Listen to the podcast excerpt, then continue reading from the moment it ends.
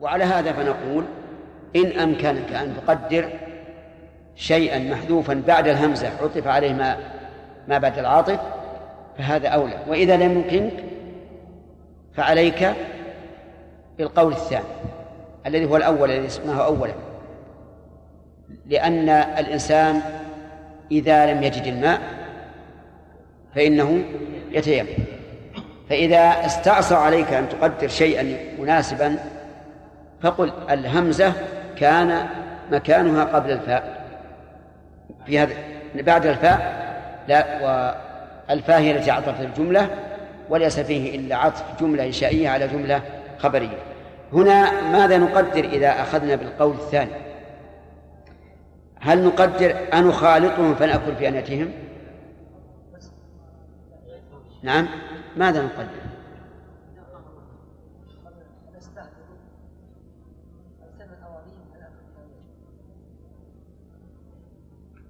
أنا أستعمل أوانيهم فنأكل في أنيتهم كان ما يعني ما أتى بشيء جديد. يعني أن نخالطهم فنأكل لا لا هذه إذا من كيسك اتركها ما ما ما نبيها حتى لو أتيت بها.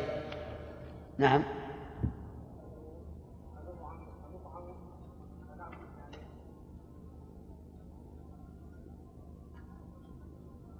أنطعم فنأكل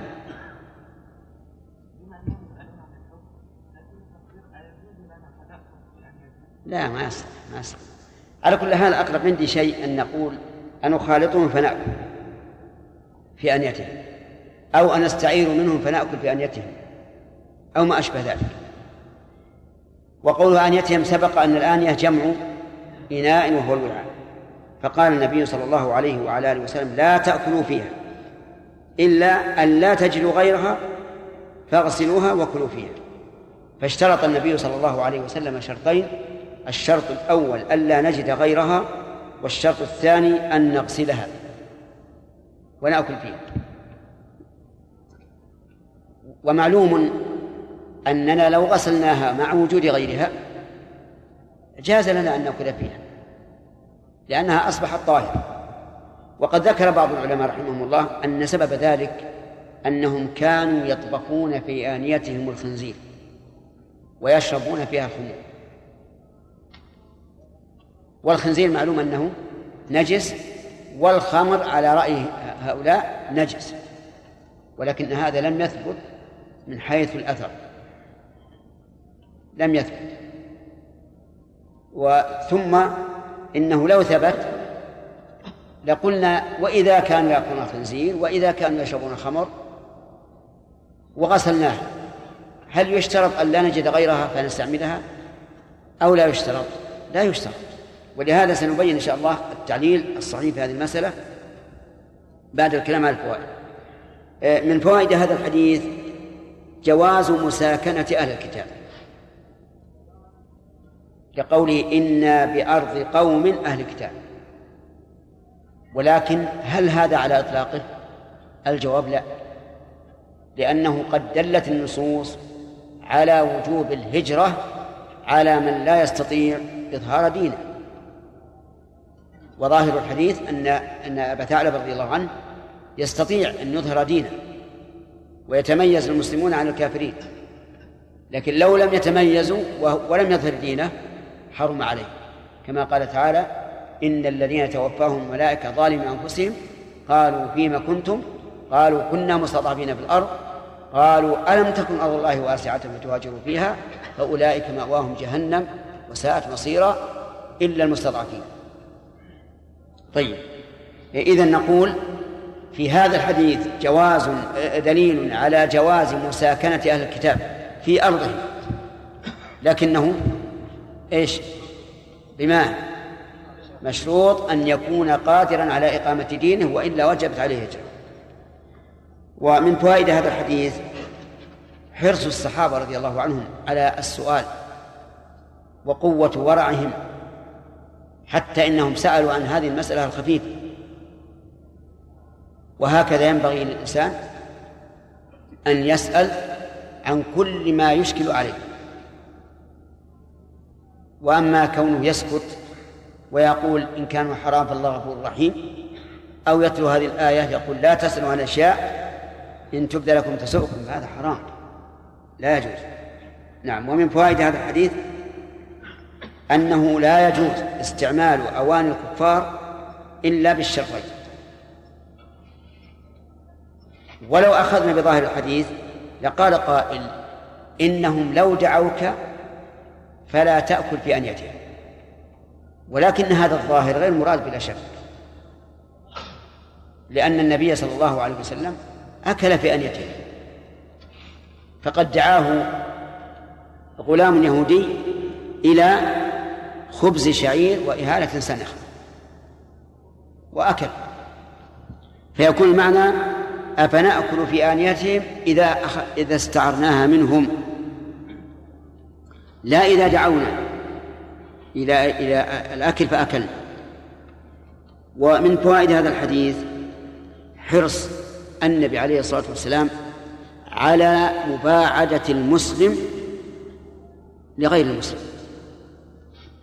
يعني أنه أمر بأن لا نأكل بل, بل نهى أن نأكل في أنيتهم إلا إذا لم نجد غيرها وأيضا نغسلها خوفا من أن نتلاصق بهم ونتعاور الأواني يأتون إلينا يستعرون ولا نأخذ منهم لأنه كلما أبعد الإنسان عنهم فهو خير له بلا شك. طيب. هذين هذان القيدان يوجبان للإنسان أن لا يستعمل الأواني لأنه قل من لا يجد إناء يعني صاحب بيت يمكن أن لا يكون عنده أواني هذا قليل جدا أو نادر. ثم إذا لم يكن عنده شيء واستعار من من من أهل الكتاب. ولو كان يرى أثر الماء غسلا فيها نقول لا تأكل فيها حتى تغسلها لو كان الماء فيها الآن يعني مغسولة الآن فلا تأكل حتى تغسلها إذن هذا فيه نوع تضييق على استعمال أواني الكفار. طيب إذا كان عندي إناء لكن عندهم أواني لا تليق بالضيوف نعم نعم لا عندي أواني. لكنها لا تليق بالضيوف الذين نزلوا علي.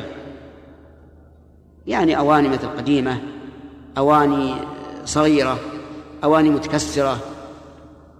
وعند آه، رجل كافر أواني تليق به. هل أقول هل في هذه الحال يجوز أن أخذ أوانيه على ظاهر الحديث؟ نعم. لا عندي عندي أواني لكن أواني في بيتي تكفيني أي آن. لكن هؤلاء الضيوف أناس كبار يحتاجون إلى أواني فخمة وأنا ليس عندي. فهل أقول بما أن النبي صلى الله عليه وسلم أمر بإكرام الضيف أكون هنا ملجأ إلى استعارة الأواني الفخمة من هؤلاء لإكرام الضيف أو نقول طيب أو نقول اتقوا الله ما استطعتم. اتقوا الله ما استطعتم. وما دام الرسول عليه الصلاة والسلام يقول لا تأكلوا فيها إلا أن لا تجدوا فأنا واجد الآن. أقدم للضيف وأقول يا أخواني آه، آه، اسمحوا عني اعذروني ليس عندي غير هذه الأواني. الظاهر إنه إذا خلص إذا خلص بمعذرة عن الضيف في مثل هذا فإنه يعتبر واجد غيره. أما إذا لم يمكن فلكل مقام مقام. ومن فوائد هذا هذا هذا الحديث أننا إذا رأينا ما عليه الناس اليوم من مخالطة الكفار والأكل في أوانيه وإعطاء الأواني لهم وجلب المودة منهم نأسف أسفا كثيرا. نأسف أسفا كثيرا. ولهذا نجد هؤلاء الذين يخالطونهم هذه المخالطة التامة ربما يحبون الواحد منهم أكثر مما يحبون المسلم وهذه خطيرة جدا. ولذلك يجب أن نباينهم وأن نبتعد عنهم وأن نعطيهم حقهم الذي الذي لهم. نعطيهم حقهم. إذا كانوا جيران لنا نعطيهم حق الجيرة. إذا كانوا أقارب نعطيهم حق القرابة. إيه، إذا كانوا محتاجين نساعدهم. إذا كانوا لا يقاتلوننا في الدين ولا يخرجون من بيوتنا. مناسبة الحديث للباب الآنية نعم. أي واضح. أن آنية الكفار وإن كان فيها الأصل فيها أنها حلال لكن لما كانت لهم صارت حراما إلا إذا لم يجد غيرها فإننا نغسلها ونأكل فيها. طيب ما ما رأيكم فيما لو كانوا يؤجرون الأواني يعني لا. ما هي عارية حتى يكون لهم منة علينا لكن يؤجرون. إنسان مثلا صاحب متجر كبير من جاءه يستأجر منه أعطاه. هل يدخل في الحديث؟ أو نقول في هذا الحديث لا منة. وكفى طردا عن مخالطته الأجرة التي يفرضها. أنا في هذا توقف عندي في هذا توقف لأنك إذا نظرت إلى أنه لا منة له عليك وأن الأجرة التي ستسلمها قد تكون مانعا من استعمال أوانيه نعم نقول هنا لا بأس. لا بأس أن تستأجر منهم. طيب إذا قال قائل لو. لو أعاروك سيارة ما هي أواني هل نقول لا تقبل إلا إذا لم تجد غيرها؟ نعم. الظاهر لا. إلا إذا علمنا أنهم سيمنون علينا أو يستدلوننا بذلك فلا يجوز أن نقبل. فإذا كان نعرف أنهم سيمنون علينا أو يستدلون بذلك فلا نقبل. لأننا نحن أعزاء بإيش؟ بديننا. فلا نقبل الدنية.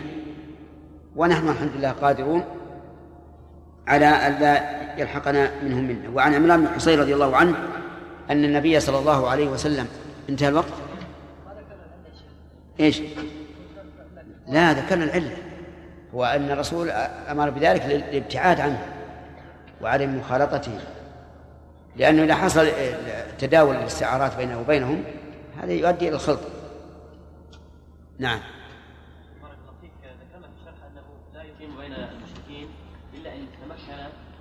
إظهار دينه وثم قلنا بعد ذلك إن تمكن من إقامة دينه نعم فهل هناك فرق بينهما؟ لا لا لا لا لا أريد الفرق لا التعبير فقط على ماذا يعني على الإقامة على الإظهار؟ ها؟ أردتم بارك الله فيكم الإظهار أم الإقامة؟ إقامة الدين بمعنى أنه يتدين الله تعالى بما شاء ولا ولا أحد يمانع نعم وهل يشترط غير هذا؟ لا ما يشترط هذا غير هذا نعم أم سلمة حديث ام سلمة السابق قلنا أن الأكل يلحق بالشرب وقلنا لكن الجزاء لا نلحقه به. لا لا نجزم بذلك. لا نجزم. لأن الجزاء ما ما ما فيها قياس. يا شيخ رأيت رواية في مسلم الذي يأكل أو يشرب أو يشرب في أن رأيته؟ أي نعم. أنت بعينك نعم. نعم. هل رأيت كلام مسلم؟ في نيل لا. مسلم رحمه الله ساق الحديث. بعدة روايات ثم ذكر أن أحد الرواة انفرد به. لما ساق من سبعة سبعة طرق قال فلان آه، انفرد بقوله ولا تأكل فيها. الذي يأكل فيها. وهذا لا شك إعلان من مسلم. نعم. غير مسلمين هل تدخل في النهي يسأل يقول بعض المطاعم عمالها غير مسلمين. هل تدخل في هذا؟ لا تدخل. لأن إحنا قلنا لو قدم لك الكافر اللي غير المستأجر لو قدم لك طعاما كله. الكلام ان ناكل في انيتهم يعني بمعنى لو لو اخذناها منه. وأما إذا دعونا فنأكل لا بد. وآتينا لكم بدليل. نعم. اللبن في مطلوب ولم يتبين لنا ما نضيف هذا فنشتري منه على البراءة وش الأصل؟ يقول رجل يبيع جلدا يبيع لبنا بجلد مدبوغ لا ندري ما أصله يحتمل أن يكون جلد ذئب يحتمل أن يكون جلد ضبع جلد الضبع طاهر وجلد الذئب نجس فما الأصل؟ الأصل هو الطهارة. إلا إذا إذا كان الظاهر يغلب الأصل مثل أن تكون في أرض مسبعة كلها ذئاب فهنا نرجح أنها جد ذئب يحيى. لو استعرنا منه الآنية غسلناه. نعم. وإذا قدموا لنا طعاما أكلناه. نعم. شو الفرق يا شيخ؟ الفرق أن إذا استعرنا إذا استعرنا منه فقد استولينا عليه. وصارت صار انتفاعنا بها. يعني لنا حق الانتفاع أما إذا دعونا فلا. إذا دعونا فأ- فأنيتهم عندهم. نعم. نعم. قلنا العلة أنه إذا خالطه إذا العلة هي المخالطة. العلة أن الرسول نهى عن الأكل بأنتين من الشرقين عنهم مخالطة وعدم مخالطته نعم. نعم. إذا انتفت هذه العلة هل نقول بالجواز؟ ما تنتهي إذا كان رجل ما يعني لن يقيم كثيرا مثلا. فقال نأخذ أحيانا ثم بعد ذلك سافر. والنادي لا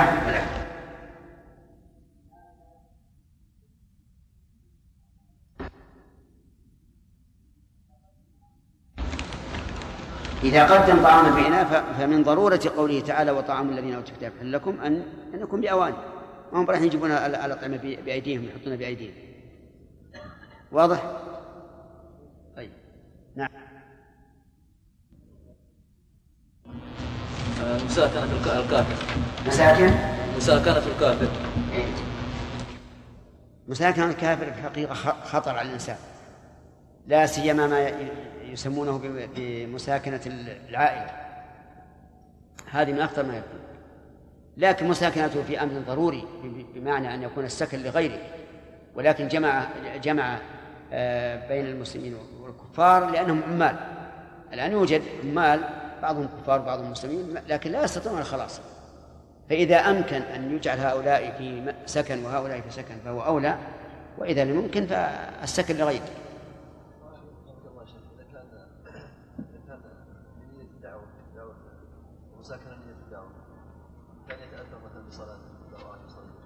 هذا كلها الدعوة بابه مفتوح.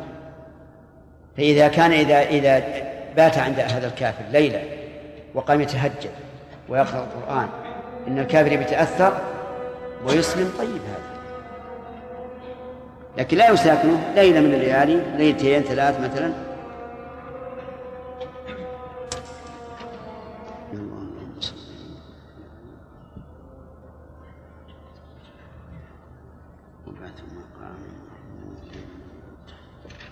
اللهم لي ولوالدي نعم.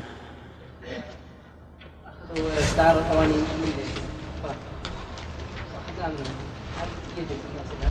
لا إذا إذا كانت نظيفة لا يجب أن تغسلها يعني إذا استعار الكافر منك إناء ثم رده عليك فإن كان نظيفا فلا يحتاج غسل وإن كان ليس نظيفا اغسل نعم. شيخ بارك الله فيك. هل يشترط للإقامة بين ظهراني الكفار أن يتمكن الإنسان من من دعوة غيره إلى إظهار الشعائر أم أم يكتفى بأن يقدر هو بنفسه على إقامة هذه الشعائر؟ الواجب أن يقدر هو بنفسه على إقامة الشهادة ولا يشترط أن أن يقدر على الدعوة. نعم الله عليك لأننا ترى مخالفة الكفار ولا نقترب منهم العلة هي أنها مخالفة الكفار نعم. ولا يحتمل كذلك حكمة الله شيخ أن يقال أيضا. أنه قد يكون من العلل أنه أيضا يأكلون في يأكلون في هذه الآية زير. هذه لا تكون محتملة يا شيخ.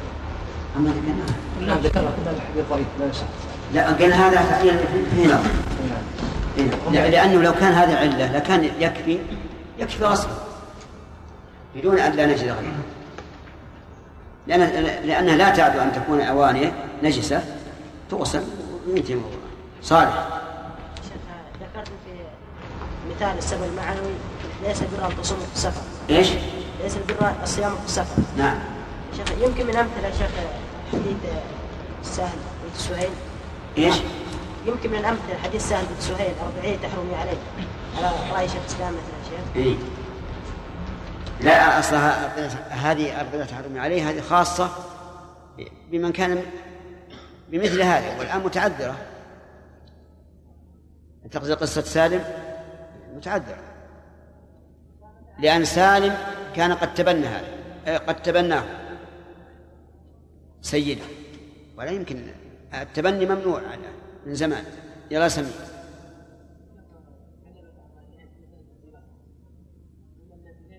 علل؟ إي نعم. في نعم.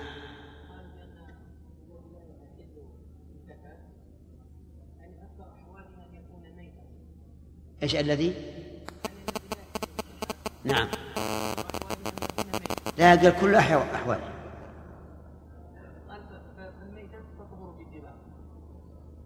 إيه لكن هذا نجس العين. يعني جلد ما لا يحل أكله نجس بذاته. أما ما يحل أكله فقد نجس جلده بعارض وهو الموت. فهو كالثوب الذي تنجس. واضح الفرق؟ طيب. نعم. رحمه الله فيما نقله في الأحاديث التي ساقها في باب الآنية وعن عمران بن حصين رضي الله عنه أن النبي صلى الله عليه وعلى آله وسلم قال نعم. وأصحابه توضأوا من مزادة امرأة مشركة متفق عليه في حديث طويل. هذا الحديث أخرجه البخاري رحمه الله في صحيحه مطولا. وفيه أن النبي عليه الصلاة والسلام كان مع أصحابه وأنه أصابهم عطش وأنه أرسل رجلين يستقيان فوجد امرأة على بعير لها بين مزادتين والمزادة هي القربتان يخاط بعضهما ببعض ويجعل بينهما سطيحة من أجل أن تحمل ماء أكثر. فسألاها عن الماء قالت عهدي بالماء أمس مثل هذه الساعة يعني بينهم وبين الماء يوم وليلة. فقال دعاها أو دعياها إلى أن تأتي إلى رسول الله دعواها إلى أن تأتي إلى رسول الله صلى الله عليه وعلى وسلم وقال اذهبي إلى أو ائتي معنا إلى الرسول صلى الله عليه وسلم. قالت ما من الرسول صلى الله عليه وسلم؟ أهو الصابئ لأن المشركين يسمونه الصابئ والصابئ هو الذي خرج عن دين قومه. فقال هو هو الذي تعنين. ولم يقول هو الصابئ. هو الذي تعنين يعني هو الذي تريدين. أتى بها النبي عليه الصلاة والسلام. وأنزل المرأة. والنبي عليه الصلاة والسلام فتح أبواب أفواه المزادتين ونفث فيهما ثم أمر الناس فاستقوا وشربت الإبل. وكانوا نحو ثمانين رجلا أو أكثر. ثم أمر لها بطعام. فجيء بطعام لها تمر وحب ودقيق. ثم أذن النبي صلى الله عليه وسلم لها أن تصرف إلى قومها ولم تنقص مزادتها شيئا. عادت كأنما هي بالأمس. ثم ذهبت إلى قومها فسألوها لماذا تأخرت. قالت صادفت كذا وكذا وإني جئتكم من أسحر الناس أو ممن هو صادق في قوله إنه نبي. هذا هو هو الحديث وهو أطول مما ذكرت لكن هذه خلاصته فصار الصحابة رضي الله عنهم يغزون ما حولها ولا يأتون صرمها يعني قومها. وفي النهاية أسلموا ببركة ما حصل لها من الماء الذي استقى منه النبي صلى الله عليه وسلم وأصحابه. يقول توضأوا من مزادة امرأة مشركة. إذن عرفنا المزادة الآن أنها عبارة عن قربتين بينهما سطيح. ومعلوم أن القرب مأخوذة من ذبائح المشركين.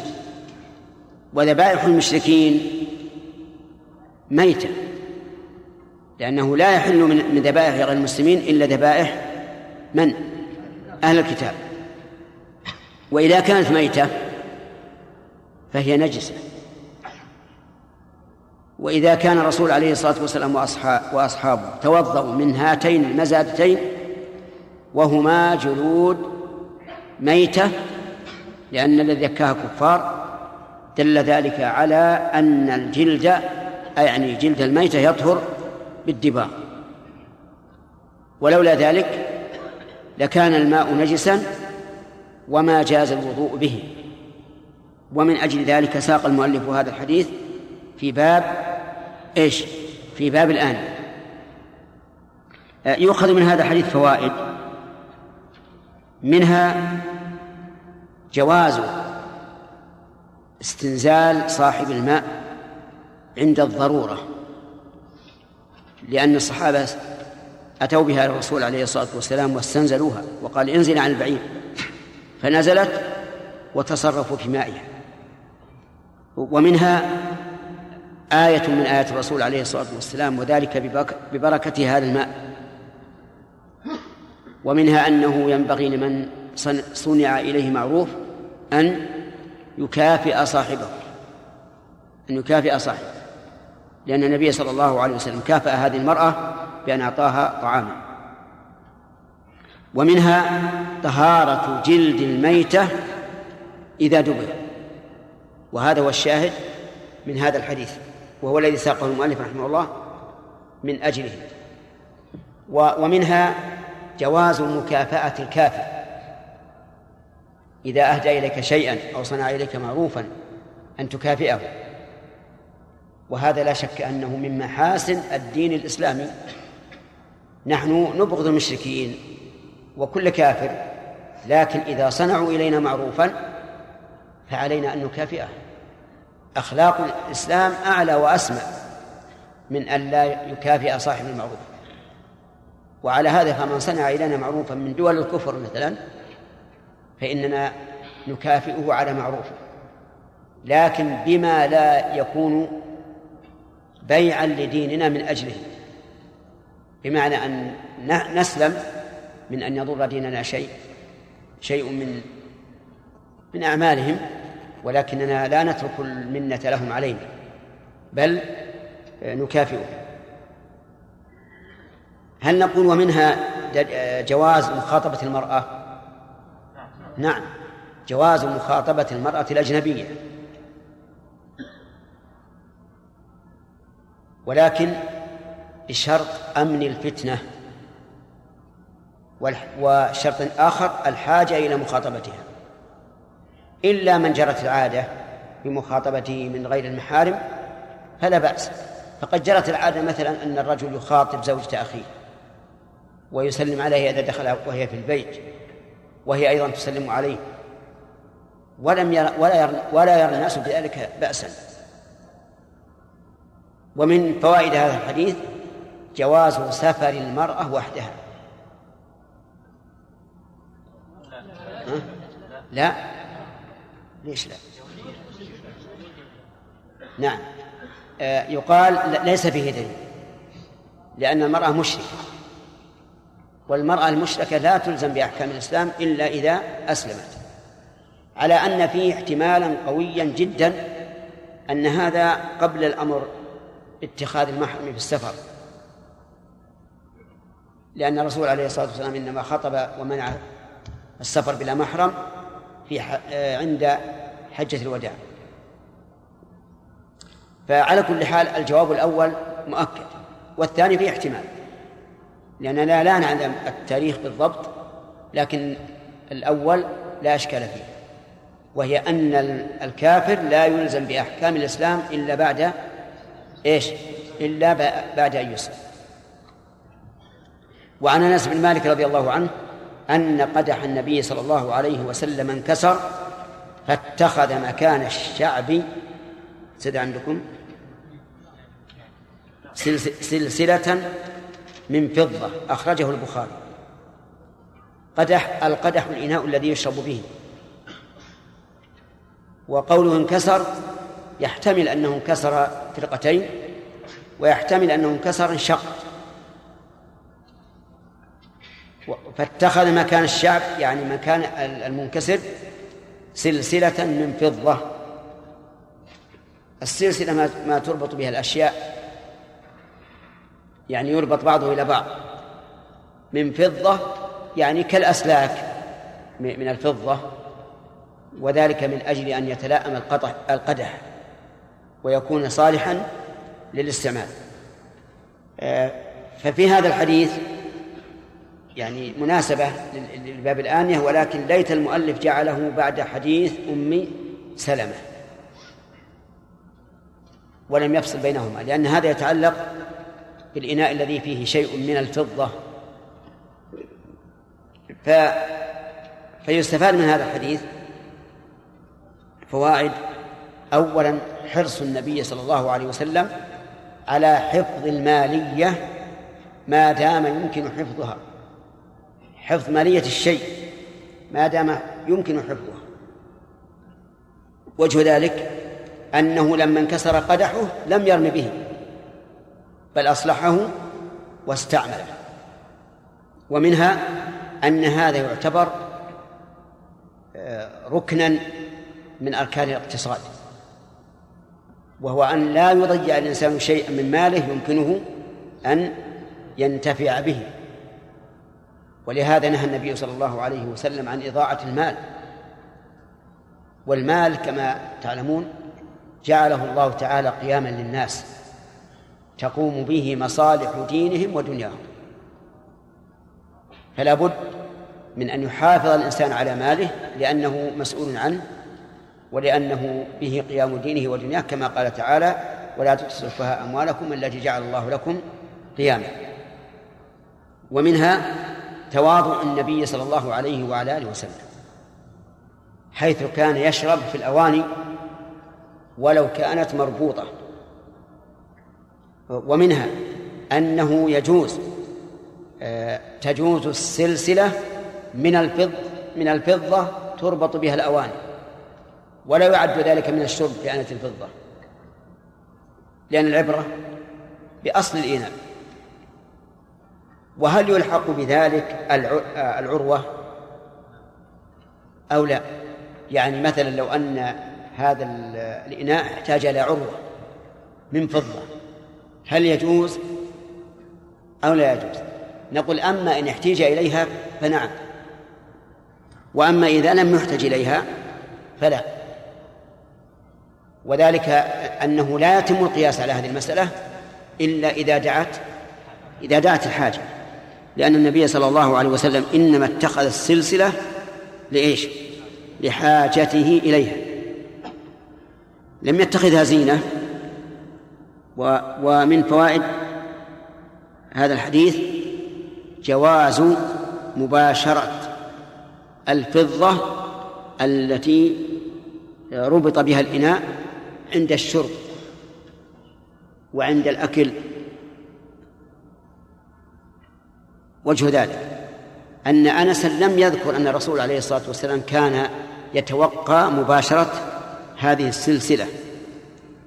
قلت ذلك لأن بعض العلماء رحمهم الله يقولون يكره أن يباشر هذه السلسلة من الفضة لأنه إذا باشرها صار مباشرا ليش للفضة.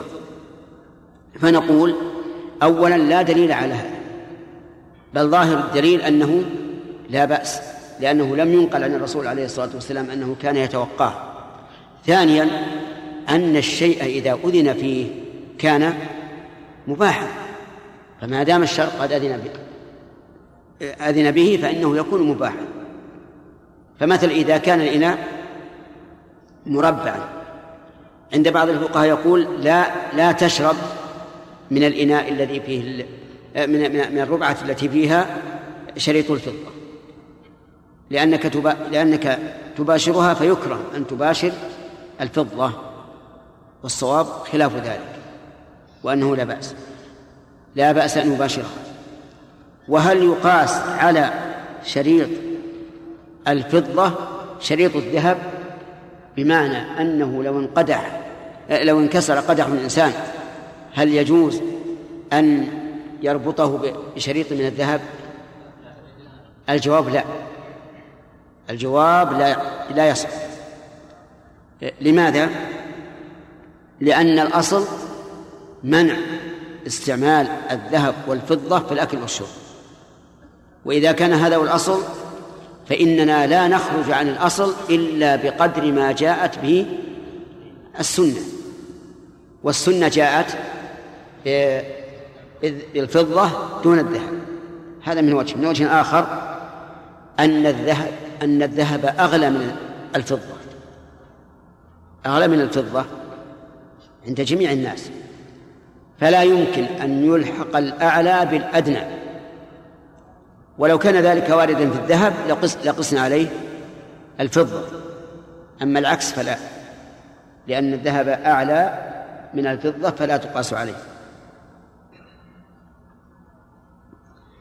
ثم قال المؤلف رحمه الله انتهى من باب الآنية وانتقل إلى باب إزالة النجاسة وبيانها. وهذا الترتيب ترتيب للمؤلف وكثير من العلماء رتب هذا الترتيب أنه لما ذكر الماء وما ومتى يتنجس ذكر بماذا يطهر. ونحن نقول الماء إذا تنجس فإنه يطهر بعدة أشياء. أولا إذا زال تغيره فإنه يطهر وعرفتم فيما سبق أنه إذا تغير طعمه أو لونه أو ريحه صار نجسا. فإذا زال هذا التغير من طعمه ولونه وريحه إيش؟ صار طهورا. سواء زال بفعل آدمي أو بطول مكثه أو بأي سبب من الأسباب. متى زال تغير الماء النجس قليلا كان أو كثيرا؟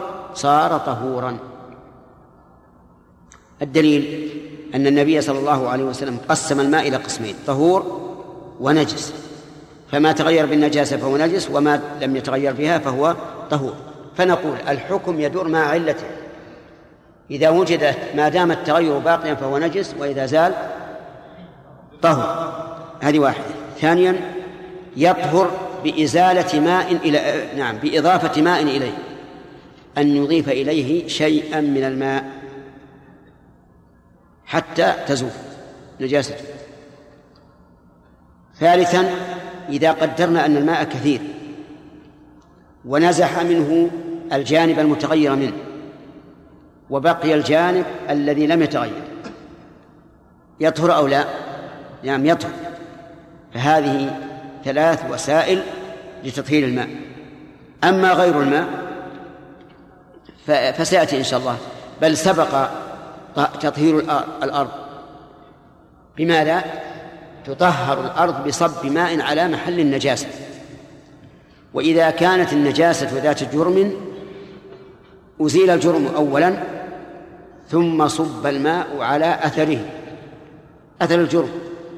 يعني لنفرض أن النجاسة التي وقعت على الأرض غائط. ماذا نعمل؟ نزيل الغائط أولا ثم نصب الماء على أثره. دم جف. ماذا نصنع؟ نزيل الماء الدم أولا ثم نصب على أثره. ما يزيل ما يزيل ما يزيل أثره. يقول باب إزالة النجاسة. وبيانها يعني وبيان النجاسة.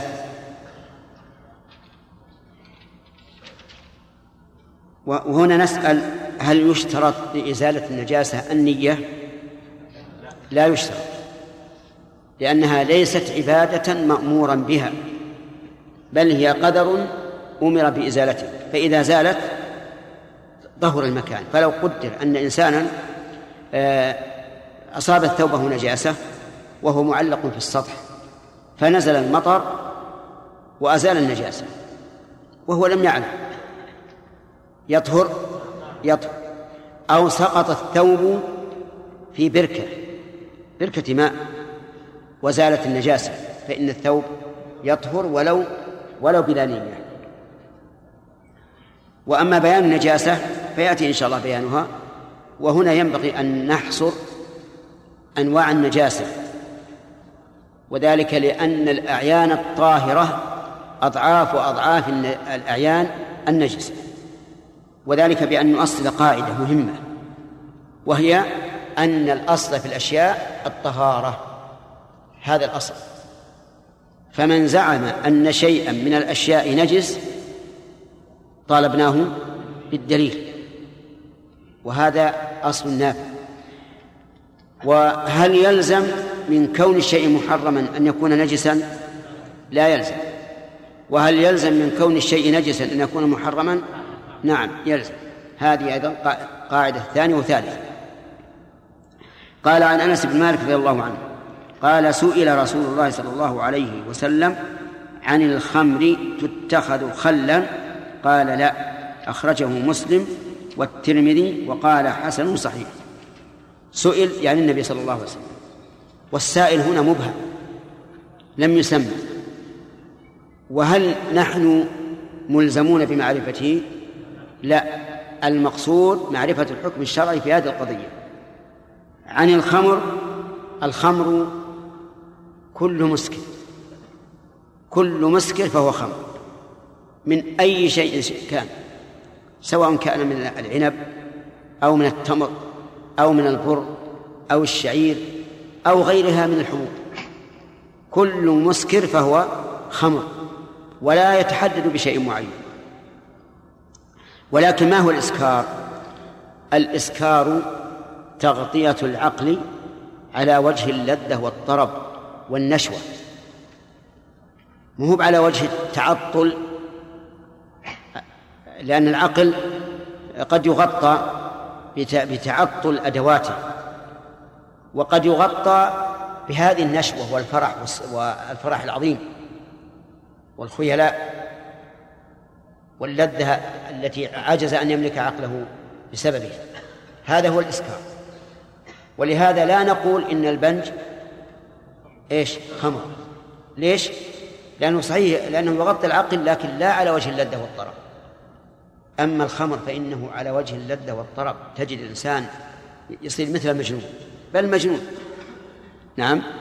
ولا يخفى على كثير منكم ما يحصل للسكارى من الهذيان واللغط والكلمات التي لو قالها في صحوه لكان كافرا.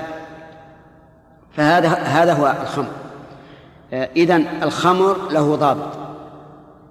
ما هو؟ كل ما أسكر فهو خمر. والإسكار تغطية العقل على سبيل اللذة والطرب تتخذ خلا. الخل هو الماء يمزج فيه شيء من التمر أو العنب أو ما أشبه ذلك مما يحليه ويجعله صالحا لأن يكون إداما. ومعنى تتخذ خلا أي تعالج حتى تنقلب بعد أن كانت خمرا فتصير خلا. أيجوز هذا أم لا؟ فقال النبي صلى الله عليه وسلم لا. لا يصح. وذلك لأنه أن الخمر تجب إراقتها ولا يجوز اتخاذها. وإذا كان الرسول عليه الصلاة والسلام منع من اتخاذها لتكون خلا أو من تخليلها فاتخاذها من أجل أن يشربها مرة أخرى. نعم من باب أولى ولا إشكال في ذلك. نعم.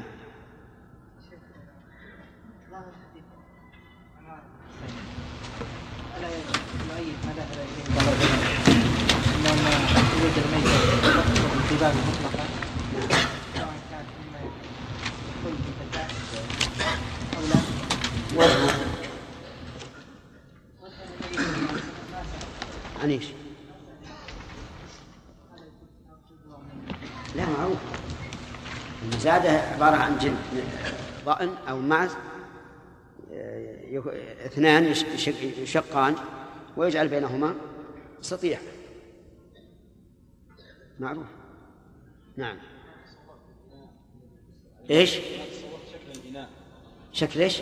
الإناء الذي كسر عن النبي صلى الله عليه وسلم إيه ما أنتم تو شكله نشوف لا لا أقصد يعني جريان الحكم اليوم ما أدري كيف. ما تعرف الإناء؟ أيوة لا ما هو كاس يقدم لك الطعام بإيش؟ تبس. وفيه بادية يسمونه بادية. نعم. ها؟ بادية. وفيه قدح. غاصب أشياء كثيرة. وكانوا يستعملون هذا من الخشب. إلى الآن يستعمل من الخشب. إذا انشقت الخشبة ربطها خ- خرقها خرق من الجانبين ثم دخل السلسلة وشبكها.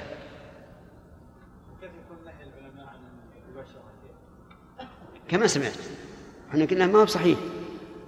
يقول مثلا إذا كانت السلسلة من هذا الجانب ما تشرب من جهة. دير, الإناء واشرب منه. لكن ما هو صحيح. ما دام جازت فلا بأس. آه، الآنية إذا كان فيها شيء من الفضة. من؟ شيء من الفضة. نعم. بأصل يعني صنعتها. نعم. قطعة القطعتين. نعم. وأيضا لو كانت مطلية بالفضة كلها. لكن هي ليست فضة. معدنها فخار أو مال أو نحو ذلك. إيه نعم. ال- العلماء يقولون ما ضب ما ضب بغ- بغير ما جاء به الشرع فإنه لا يجوز. الأصل المنع ما دام الأصل المنع فإننا نقتصر على ما ورد فقط. نعم. ها؟ اي الذهب ما يجوز أصلا. نعم. ثابكم الله. شيخ قلنا إن الأصل في الذهب وال- والفضة التحريم. نعم. هنا استعملت للحاجة. يعني وهي ليست من جنس الإناء. طيب شيخ يعني ألا يقال إن الفضة استعملت لا تصدأ وغيرها يصدأ؟ إيش؟ الفضة استعملت من ما تصدأ وغيرها يصدأ. وهذا الآن يعني الحكم زائل لأن الآن في معادن ما ممكن تحل محل الفضة ويبطل يعني إباحتها للحاجه قال الشيخ الإسلام رحمه الله معنى الحاجة أن يحتاج إلى هذا الشيء فقط لا إلى كونها من فضة. قال لأنه إذا احتاج إلى كونها من فضة صارت ضرورة. يعني معناه ولهذا قال الفقهاء الحاجة أن لا يتعلق بها غرض أن نعم أن يتعلق بها غرض غير الزينه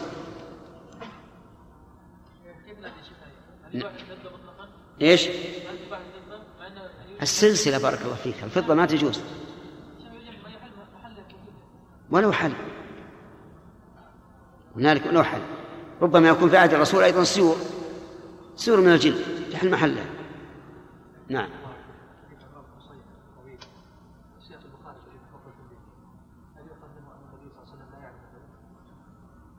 إي نعم. يؤخذ من الرسول ما يعلم الغيب صحيح. نعم. اتخاذ أسنان من الذهب مع أنه أما من الفضة فلا يمكن لأن الفضة يقولون أنها تصدع. تصدع؟ ما تصدع. نعم. أي الظاهر من البلاتين. أنا سمعت أن الفضة تصدع وهو الظاهر. حديث عرفجة أنه اتخذ أنفا من فضة ثم أنتن. فأذن الرسول صلى الله عليه وسلم يتخذ أنفا من ذهب. على كل حال أسنان الذهب إذا دعت الحاجة إلى ذلك فلا بأس.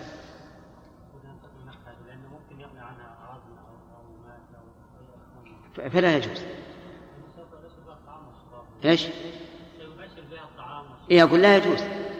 إذا كان يغني عنها إذا كان يغني عنها المادة الأخرى فلا يجوز خصوصا خصوصا الذهب.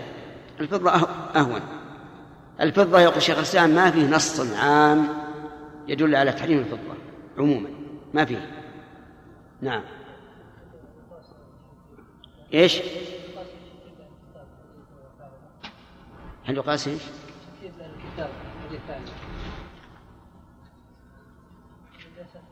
نعم من أي ناحية؟ لا لا مو شرط وقضية المرأة هذه ما أخذ الرسول ما أخذ المزادة. المزادة معها لكن شرب منها. ولهذا لو أن اليهودي أو النصراني أتى لك بإناء تشرب منه اشرب ما في مانع وحديث ثعلبة قلنا لكم فيما سبق أن المراد أن تستعيره وتنفرد به. وأن العلة أن الرسول يحب أن يبتعد المسلمون عن هؤلاء. نعم.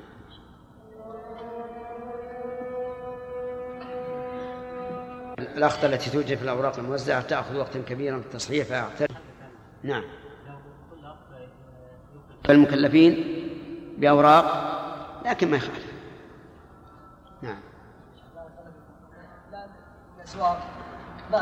يقول هذا أو من- لا هذا غير.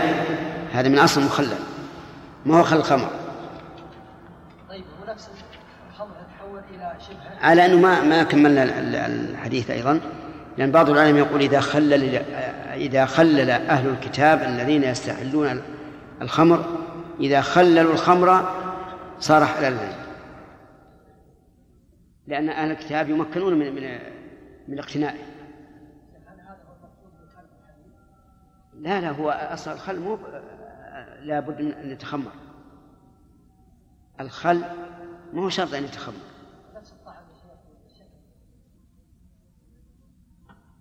ما على الطعم والشكل ما ادري عنه المهم ان إن الخل إحنا قلنا لكم إنه معناه إنه أن يوضع في التمر آه، في الماء تمر أو آه، عنب أو ما أشبه ذلك. يعني يسمى نبيذا أيضا. ثم يخلل نعم. الموجود؟ يعني وش معنى كيماوي؟ اي هذا هو الظاهر. لكن ترى ما عن طعمه طيب ولا لا ها؟ لعلك لعل- لعلك تدعونا نذوق طيب إيش؟ إيش؟ إيش؟ ها؟ ما هي؟ وشلون هذا؟ معلوم لأن المنكسر المجبر هذا ما هو ما هو يصير رخيص إيه. ها يعني قصدك في مسألة الربا. إيه لا ما يضر. لا ما يضر. نعم.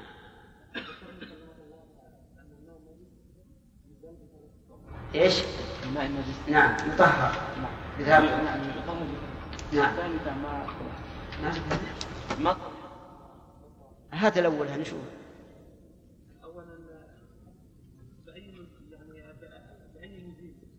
الأول. يعني بزوال التغير بزوال التغير بأي سبب؟ هذه واحدة والثاني؟ نعم.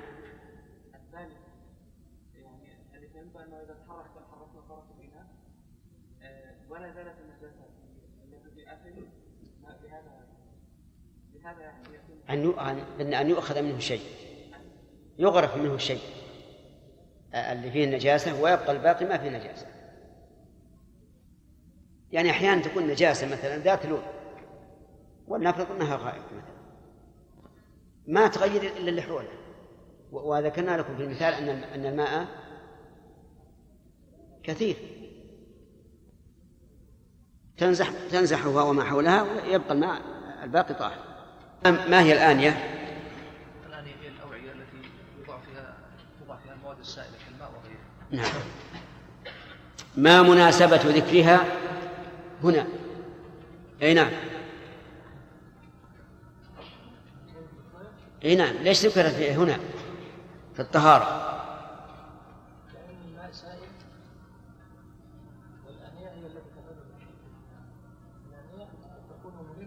لأن الماء سائل والآن تحفظه. فذكروها بعد بعد ذكر المياه. طيب هل لها مناسبة أخرى في الفقه؟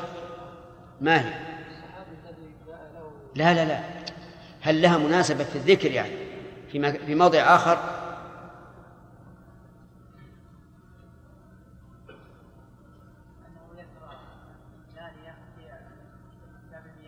لا لا لا. هل هل لها مناسبة أخرى في موضع آخر غير هذا؟ يعني تذكر في موضع آخر. في الأطعمة تمام. لأن لأن لا الآنية تحفظ بها الأطعمة. ذهب آه، الفقهاء رحمهم الله وشراح الحديث كل مذهب في تعليل النهي عن الشرب في آنية الذهب والفضة والأكل بصحافها كما هو آه، التعليل الصحيح. صالح. تعليل؟ ما هو؟ فإن لهم في الدنيا ولكم في الآخرة. طيب. استدل بهذا الحديث من قال إن الكفار لا يخاطبون بفروع الإسلام. شراف. ما وجه الاستدلال؟ وجه أنه قال إنه لهم في الآخرة لا، لهم في الدنيا. وجه أنه قال لهم في الدنيا طيب.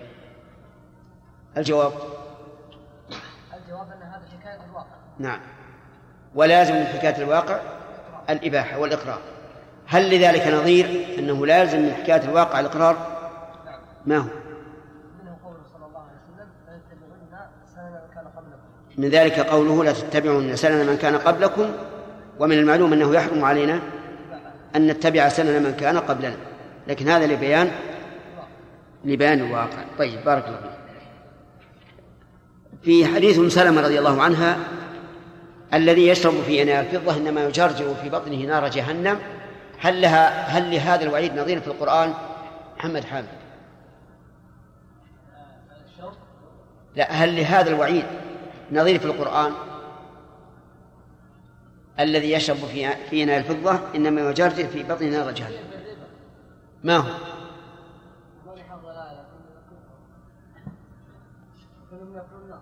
إيه، ما ما هو في الربا. ما ما- ليس في الربا. ياكل مال اليتيم. إن الذين يأكلون أموال اليتامى ظلما إنما يأكلون في بطونهم نارا. طيب. يلا سامح ثبت عن أم سلمة رضي الله عنها أنها اتخذت جلجلا من فضة جعلت فيه شعرات النبي صلى الله عليه وعلى آله وسلم فهل نأخذ بروايتها أو نأخذ بر- برأيها وعملها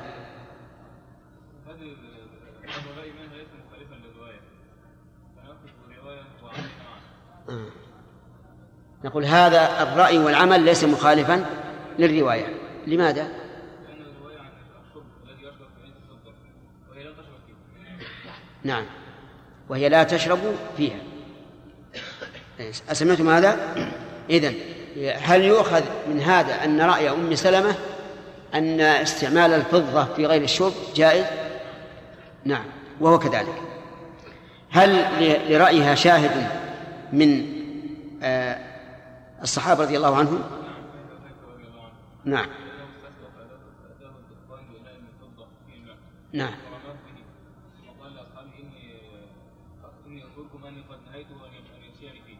أن يسقيني في ذلك. نعم. أحسنت. مع أن أم سلمة وحذيفة هما راويا. نعم. هما راويا نعم. طيب. ما سبب قول النبي صلى الله عليه وعلى آله وسلم إذا دبغ الإهاب فقد طهر عقيل؟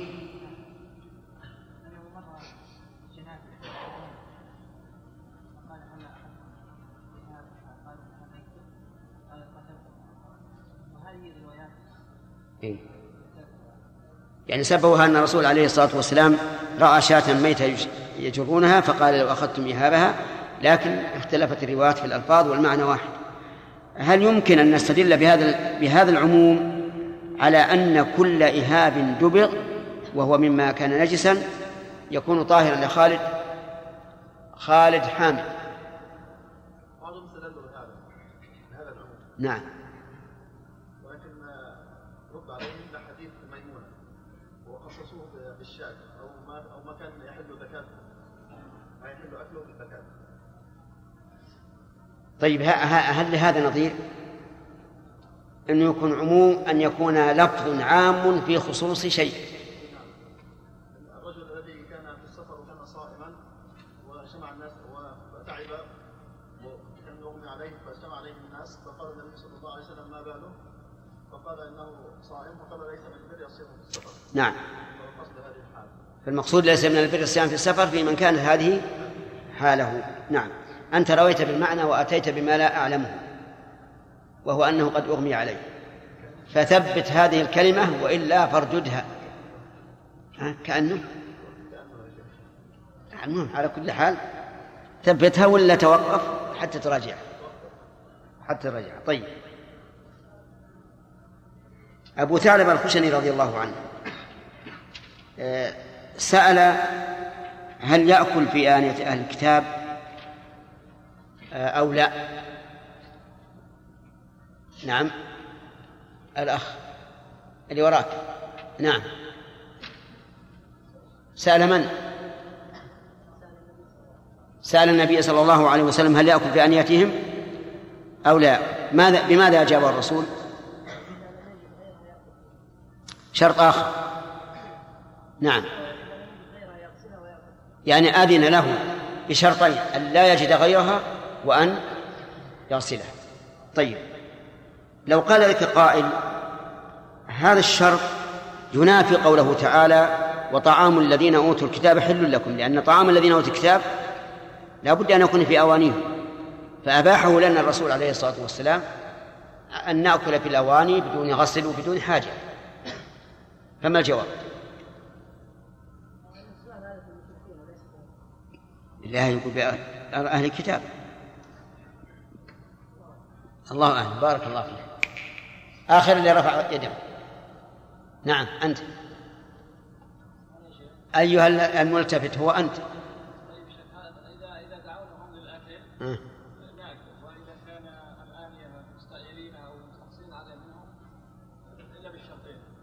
يعني معناها إن, إن هذه غير هذا فلا, فلا, فلا نقول بينهما تعارض.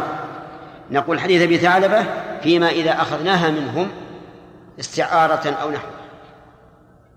كذا. أما إذا كانوا هم المستولين على الآنية فلا بأس بذلك. تمام؟ طيب. في قول آخر لكنه ضعيف فيما أرى أن هذا قبل حل طعام أهل الكتاب.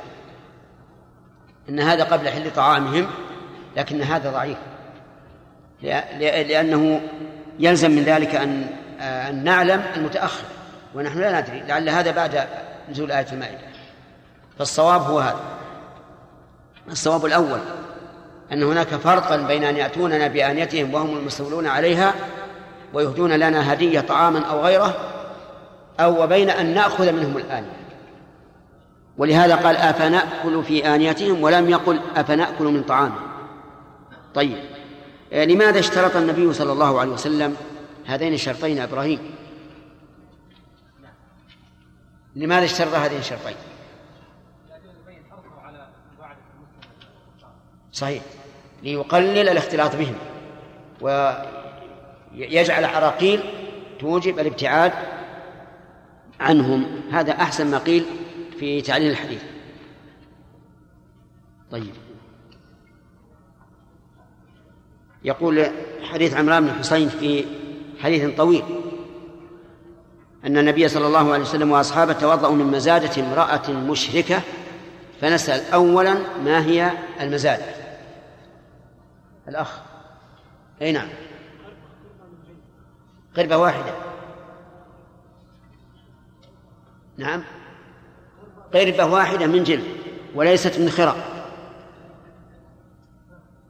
كذا.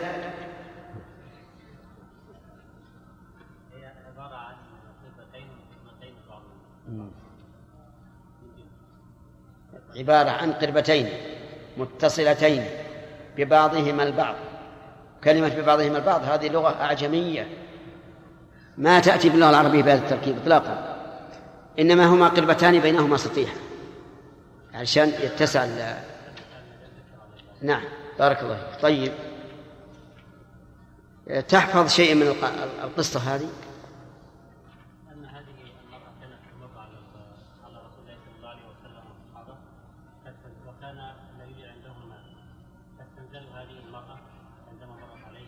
يعني هي مرت على على القوم. على هنا. توافقون على ذلك؟ الأخ. ها. أرسل رجلين.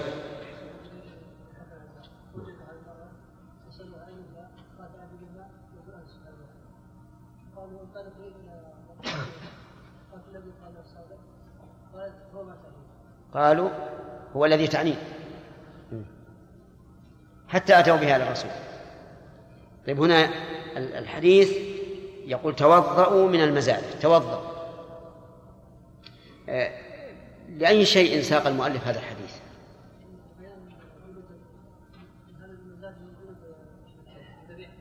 من ذبائح المشركين. وهذا يدل على أن الدواء طهرها. طيب أحسنت. في حديث أنس أن قدح النبي صلى الله عليه وسلم انكسر فاتخذ مكان الشعب سلسلة من فضة لماذا أتى به المؤلف في هذا الباب في باب الآنية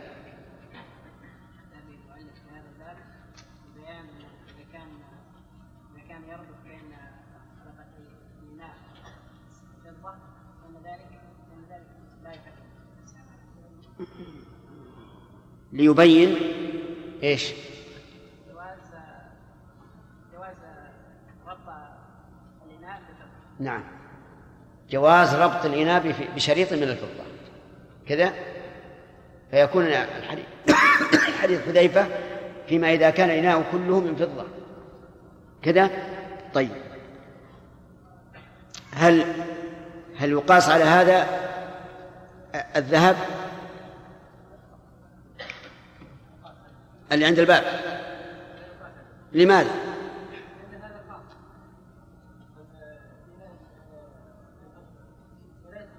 طيب إذا قال الرسول نهى عن الشرب في إناء الذهب والفضة.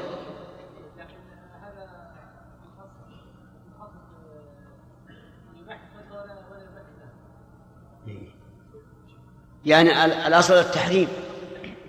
فيقتصر على ما جاء به النص فقط ولا يقاس عليه. هذا هو الأقرب. آه، إزالة النجاسة وبيانها أظن مراجعة ولا؟ ها؟ حديث واحد. طيب. لماذا ساق المؤلف حديث أنس في اتخاذ الخمر خلا؟ الأخ. أين؟ أو أخذت؟ أخذت؟ نعم.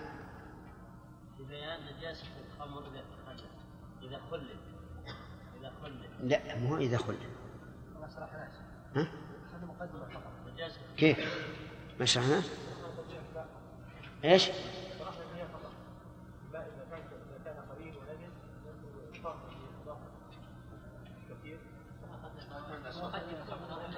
مقدمة فقط طيب إذن إن شاء الله لا بأس بسم الله الرحمن الرحيم باب إزالة النجاسة وبيانها هذا الباب يشتمل على شيئين الأول إزالة النجاسة والثاني بيانها. وكان المتبادل أن يبدأ أولا ببيان النجاسة ثم بكيفية إزالتها. لكنهم يقولون إن الواو لا تقتضي الترتيب. لا تستلزم الترتيب ولا تنافي الترتيب. وهذا القول على إطلاقه فيه نظر. لأن النبي صلى الله عليه وسلم لما أقبل على الصفا قرأ إن الصفا والمروة من شعائر الله ثم قال أبدأ بما بدأ الله به. لكن كلام المؤلف رحمه الله يعني ترجمة باب مع أنه بدأ في في الخمر. قال عن أنس رضي الله عنه قال سئل النبي صلى الله عليه وسلم عن الخمر تتخذ خلا. الخمر كل ما خامر العقل كما أعلنه أمير المؤمنين عمر بن الخطاب رضي الله عنه. قال الخمر ما خامر العقل أي غطاه.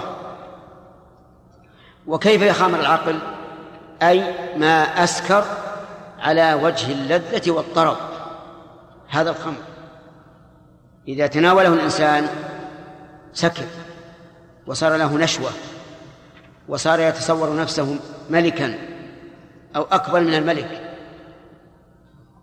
هذا هو هذا هو الخمر أما إذا غطى العقل على سبيل الإخماد يعني وعدم الشعور فهذا ليس بخمر ولا يحد شاربه بل ولا يعاقب شاربه عقوبة شارب الخمر. والخمر محرم بالكتاب والسنة وإجماع المسلمين. وتحريمه مما يعلم بالضرورة من دين الإسلام. ولهذا قال العلماء رحمهم الله من أنكر تحريمه وقد عاش بين المسلمين فإنه مرتد مرتد عن الإسلام. لأنه أنكر ما علم من الدين بالضرورة. وكل ما أنكر ما علم من الدين بالضرورة فإنه يكون مرتدا. كما لو أنكر تحريم الزنا أو وجوب الصلاة الصلوات الخمس أو ما أشبه ذلك. فهو محرم بالكتاب والسنة والإجماع. وكذلك أيضا النظر والعقل يقتضي أن يكون محرما لأنه يلحق صاحبه بمن؟ بالمجانين والعياذ بالله. ولهذا يطلق نساءه وربما يقتل أولاده وربما يفعل الفاحشة في أهله. وقد قرأت قبل سنوات كثيرة في مجلة لا أحب أن أذكر من أين هي صادرة أن شابا دخل على أمه في الساعة الواحدة ليلا أي بعد منتصف الليل وراودها عن نفسه يريد أن يفعل بها الفاحشة والعياذ بالله فأبت عليه فأخذ السكين وهدد وقال إن لم تمكنيني من نفسك فإني أقتل نفسي فأدركتها الشفقة فمكنته من نفسها والعياذ بالله فزنى زنى بها انتهى من الزنا. ولما أصبح كأن ضميره أشعره بذلك فجاء إلى أمه فقال لها يا أمي أفعلت كذا وكذا؟ قالت لا. خوفا عليه فأقسم عليها إلا أن تخبره.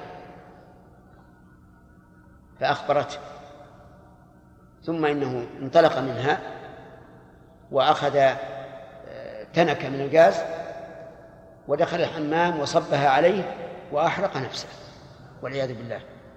فانظر شرب خمر وزنا بالأم وفي النهاية قتل نفس ولهذا جاء في الحديث تسميتها بأم الخبائث ومفتاح كل شر.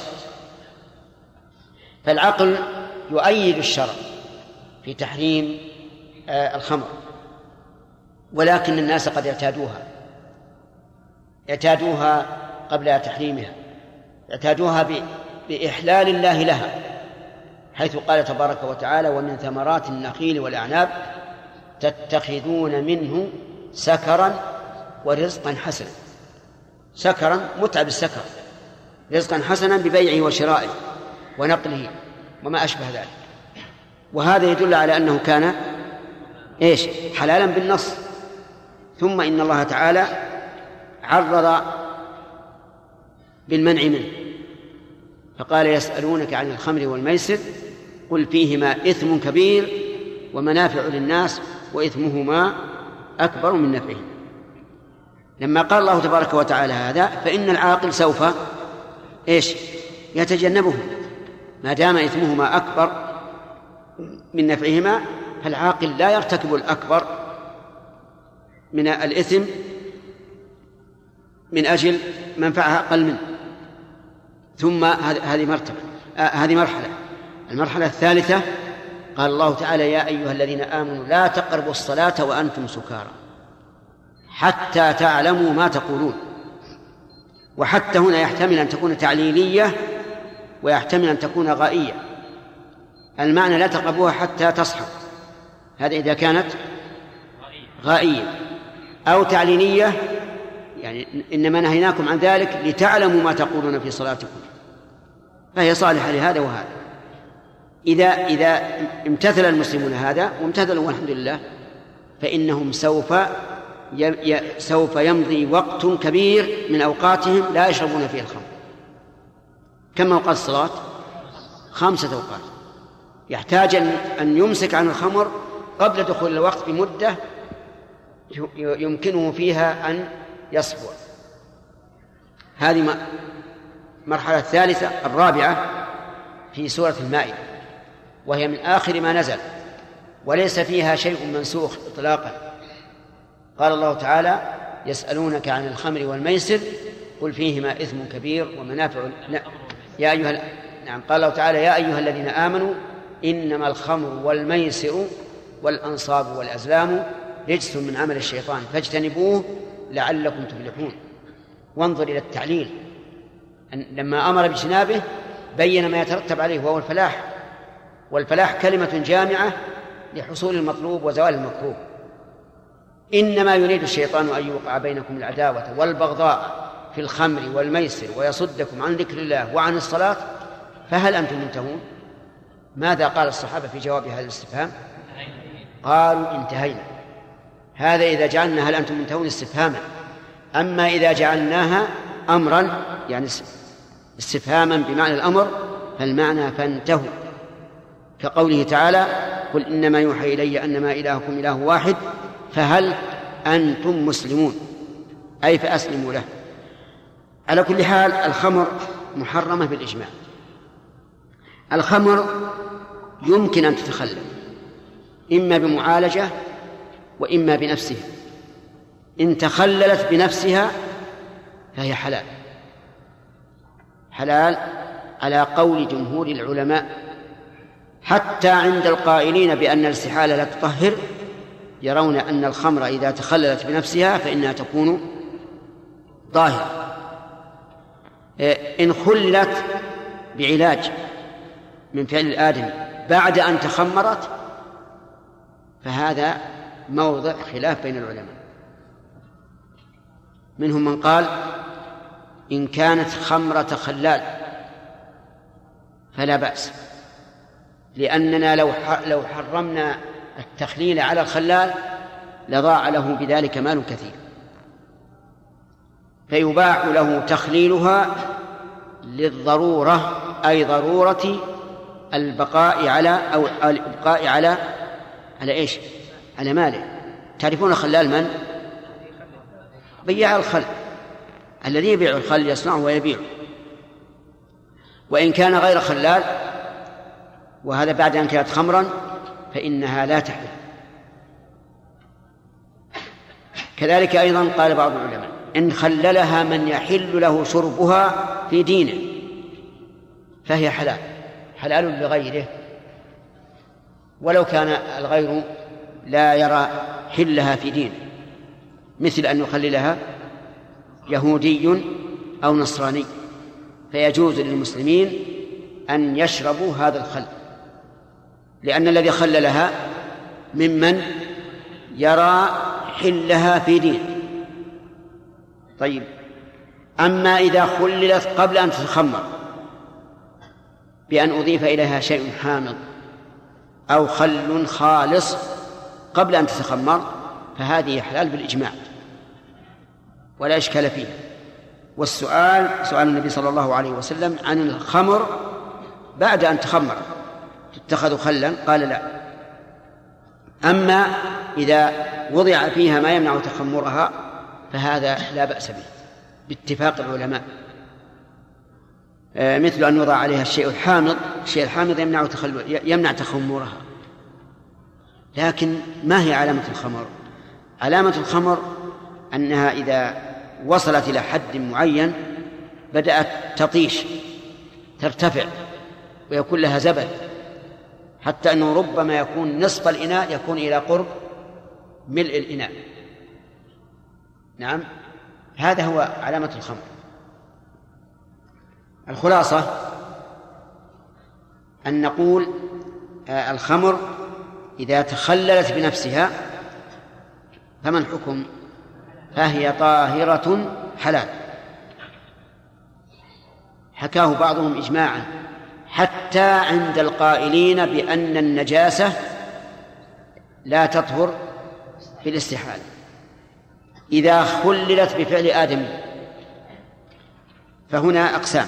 أولا أن يكون المخلل لها خلالا بحيث لو لم يفعل لتضرر. فهذا يرى بعض العلماء أن ذلك جائز. ثانيا أن يكون المخلل لها ممن يرى حلها في دينه كنصراني أو يهودي يخلل خمرا. فهذا جائز. لأن يعني يجوز للمسلم أن يشربها لأن الفعل مأذون فيه بحسب إيش؟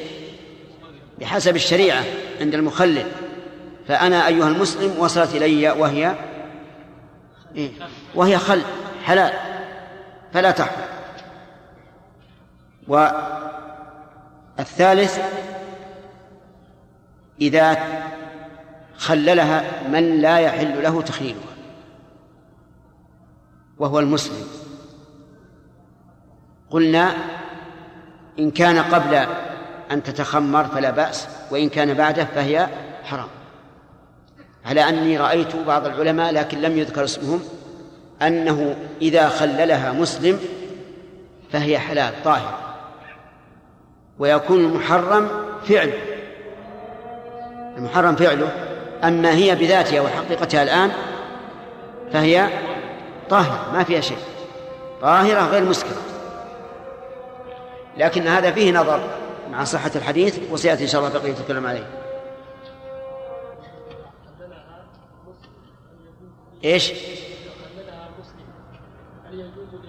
شراؤها؟ ماذا قلنا يا جماعة؟ قلنا إنها إن, إن بعض العلماء يقول لا بأس لكني لا أدري من القائل به إنما ذكر قولا وأن المحرم هو التخليل أما إذا خللت وصارت خلا فهي حلال. تباع وتشترى ولا يلزم من تحريم الفعل أن يحرم عين الشيء مع زوال علة التحريم وهي الإسكار. لكن لا شك أن نرى منعه ومنع بيعه وشرائه في هذا الحال لأن هذا فعل غير مأذون فيه. ويمكن أن يقال ما ترتب على غير المأذون فليس بمأذون. نعم. يحيى.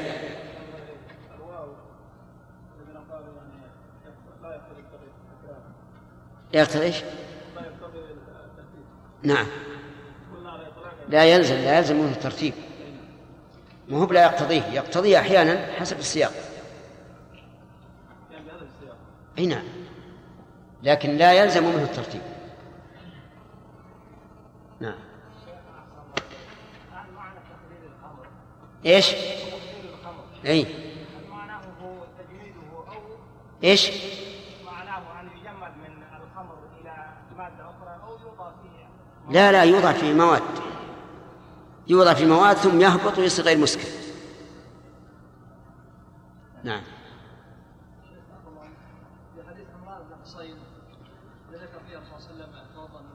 الذي ذكر فيه؟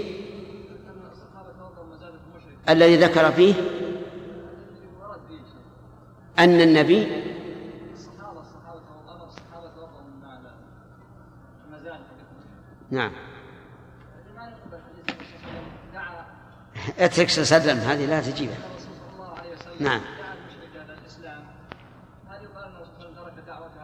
دعاه وما نفذ له في شيء إن النبي صلى الله عليه وسلم أراها ما يمكن أن تقتنع بأنه مؤمن بأنه نبي.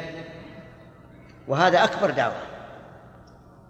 ولهذا لما ذهبت إلى قومها قالت جئتكم من أسحر الناس أو من من رجل هو نبي. اقتنعت. وفي النهاية أسلمت وأسلم صرمها نعم هذه دعوة بالفعل. الله تعالى في بيان النجاسات وأنواعها وكيف تزال فيما نقله عن أنس رضي الله عنه. وقبل أن ندخل في درس الليلة نسأل عما سبق. آه، ما معنى أو ما هي الخمر؟ نعم. خامر العقل أي غطاه. كمل. ما غطاه على سبيل؟ سبيل اللذة والطرب أحسنت. آه هذا القيد احترازا من إيش؟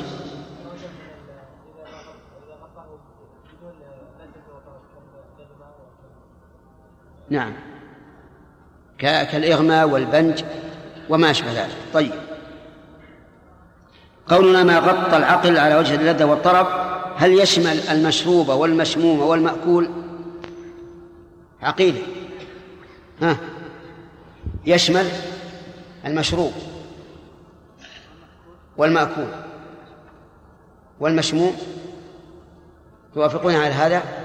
طيب. آه، ما معنى قوله تتخذ خلا؟ الأخ اللي على العمود. خل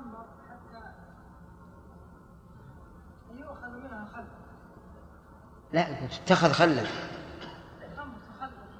تتخذ بمعنى تجعل.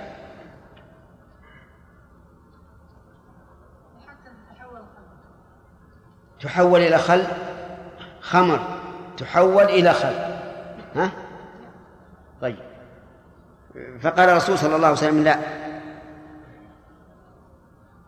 هل يدل كلمة لا على المنع أو على آه، الأولى؟ على المنع. لأن هذا هو الأصل. طيب. آه، بماذا تخلل؟ اي نعم.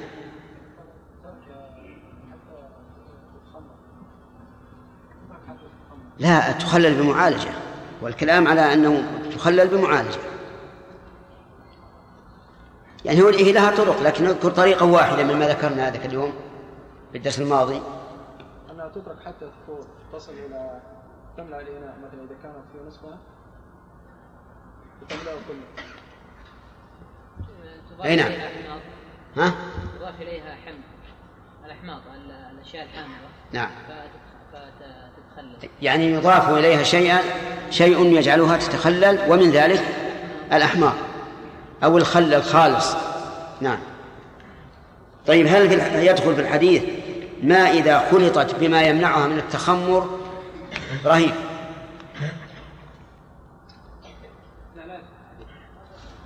يعني وضع عليها شيئا. قبل أن تكون خمرا لئلا تتخمر. ليش؟ لأنها لم تتخمر والحديث سئل عن الخمر تتخذ خلا طيب أحسن ما هي الحكمة من المنع؟ صالح. نعم. لأن الخمر تجب إراقته واستبقاؤه ليتخلل بمعالجة ينافي وجوب. طيب أحسنت.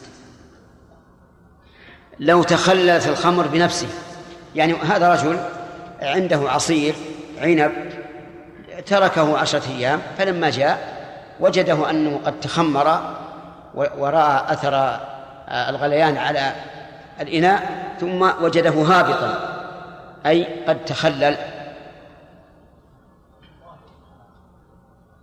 نعم. طاهر. وحلال طاهر حلال. توافقونه؟ نعم طيب. لأنها لم تخلل بالمعالجة طيب لو عالجها وخللها من يستبيح الخمر في ملته؟ سمير. على رأي بعض العلماء أنه يجوز ذلك. في خلاف. فمن العلماء من قال؟ والذي ترجحه الذي رجحنا أنه يجوز أنه يجوز. نعم. لأنها وصلت إلى المسلم على وجه على وجه غير محرم. لأنها صارت خلا بفعل من يجوز له تخليلها في ملته. إيه، ما هو لماذا أتى المؤلف بهذا الحديث في باب بيان النجاسة؟ أنت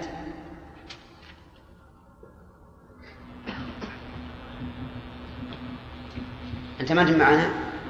طيب. عند الخمر نجس ها؟ ارفع صوتك خلي منك عزيمة. شجاع شجاع. نعم عبد الرحمن. بناء على أن الخمر حلال. نجس. طيب. صحيح؟ وقد ذكرنا لكم أن القول الراجح أن الخمر ليس بنجس وعلى هذا فلا آه، يتوجه أن يؤتى بهذا الحديث في باب إزالة النجاسة وإنما يؤتى به في باب الأطعمة والأشربة طيب ننتقل الآن إلى درس الجريمة إيش؟ طيب لا ما. من فوائد هذا الحديث تحريم الخمر. لأن المنع من اتخاذها خلا يدل على تحريمها من باب أولى وهذا أمر مجمع عليه بدلالة الكتاب والسنة. وقد أجمع المسلمون على تحريم الخمر. وقال العلماء من أنكر تحريمها وهو قد عاش في بلاد المسلمين فهو كافر مرتد. يستتاب فإن تاب وأقر بالتحريم فذاك وإلا وجب قتله مرتدا ومن فوائد هذا الحديث منع سد الذرائع بل سد الذرائع. من فوائد هذا الحديث سد الذرائع. وجهه أن النبي صلى الله عليه وسلم منع من اتخاذ الخمر خلا لئلا يستبقيها وربما سولت له نفسه أن يشربها. طيب. ومن فوائد هذا الحديث أن حرف الجواب يقوم مقام الجملة. لقوله لا. وهذا مضطرد حتى في العقول فلو قيل لرجل بيع عليه بيعة أقبلت البيع؟ قال نعم. انعقد البيع ولو قال ولي الزوجة زوجتك بنتي فقيل للزوج أقبلت؟ قال نعم. أجزم. وانعقد النكاح. ولو قيل له أطلقت امرأتك؟ قال نعم. طلقت